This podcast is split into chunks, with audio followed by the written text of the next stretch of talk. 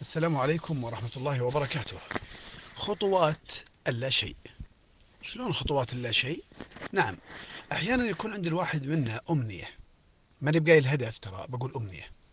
آه وهذه الأمنية تبغى لها عمل لكي تتحقق يبغى لها تحول من كونها شيء في الذا في النفس فقط إلى أن تكون خطوات عملية نحو تحقيق هذه الأمنية وتحويلها من كونها آه، أمنية إلى هدف إلى واقع حقيقي. آه خلينا ناخذ مثال على سبيل يعني على سبيل التمثيل مثلا آه لو واحد تكلم عن القراءة يقول يا أخي أنا أشعر بالتقصير تجاه القراءة وأن هناك الحاجة إلى تنمية المعارف والتعلم وهناك الكثير من الكتب الرائعة وأنا أشعر أن معارفي لم تزدد بشكل كبير وأنني منشغل على القراءة وسوف أبدأ برنامجا للقراءة. يا سلام. طيب إيش البرنامج؟ فيقول لك أول شيء أنا أروح أشتري آه، مثلا كرسي مناسب للقراءة. يا سلام وماذا؟ وطاولة مناسبة للقراءة. وأخصص في بيتي زاوية للقراءة أعتني بمظهرها. وأروح للمكتبة وأشتري مجموعة من الكتب. ولاحظ قاعد يشتري يشتري يرتب ينظم. وين القراءة يا حبيبي؟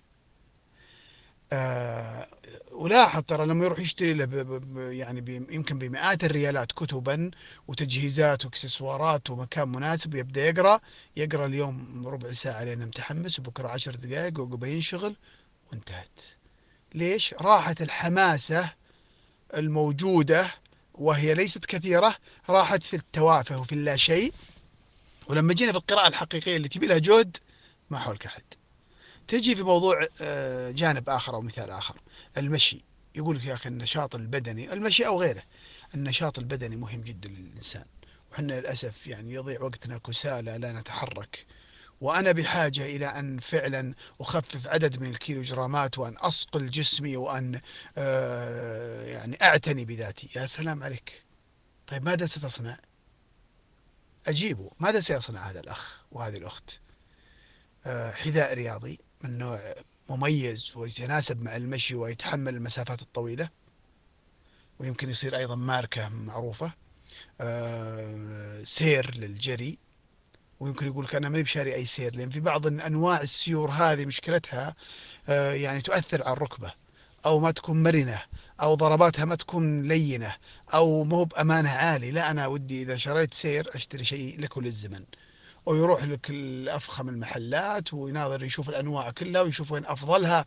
لأن الرجال يقول يا حبيبي آه، الصحة أهم شيء. عارفين يا حبيبي أن الصحة أهم شيء. لكن ما أنت ماشي أنت. إذا أنت جاد رجاء لا تشتري سير ولا تدور لك حذاء رياضي فاخر ولا ماركة ولا شيء. الله لا يهينك الشارع اللي عند بيتكم أمشي فيه نص ساعة كل يوم ولمدة شهر. أو في الحديقة المجاورة أو الممشى المجاور. امشي لي كل يوم نص ساعة على أقل تقدير ولمدة 30 يوم على أقل تقدير. خلنا نشوف صملتك أنت أنت فعلا جاد. تجي عقبة تقول والله أنا لاحظت بعد المشي هذا أن الحذاء اللي أنا أرتديه ليس مريحا بشكل كبير. أبى أبحث عن حذاء مناسب. الله يقويك. هالمرة عرفنا أنك جاد.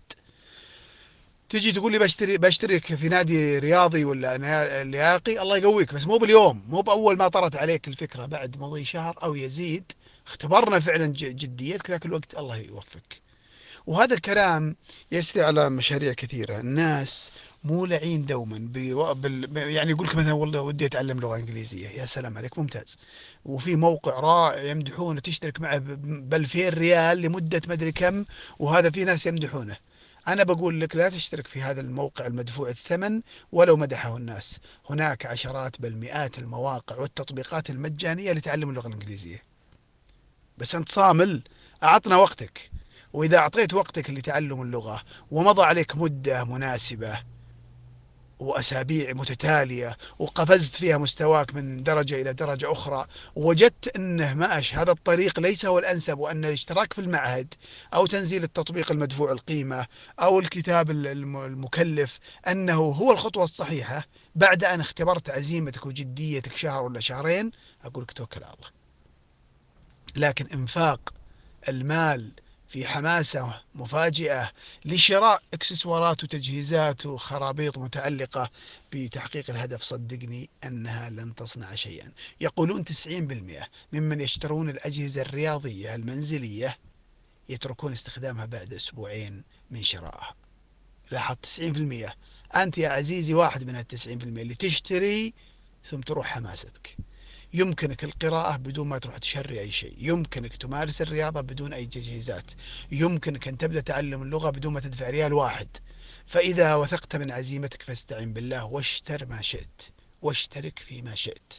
فقد اختبرت العزيمة. حذاري من خطوات لا شيء وعليك بالخطوات. الفعلية تمنياتي لكم بالتوفيق.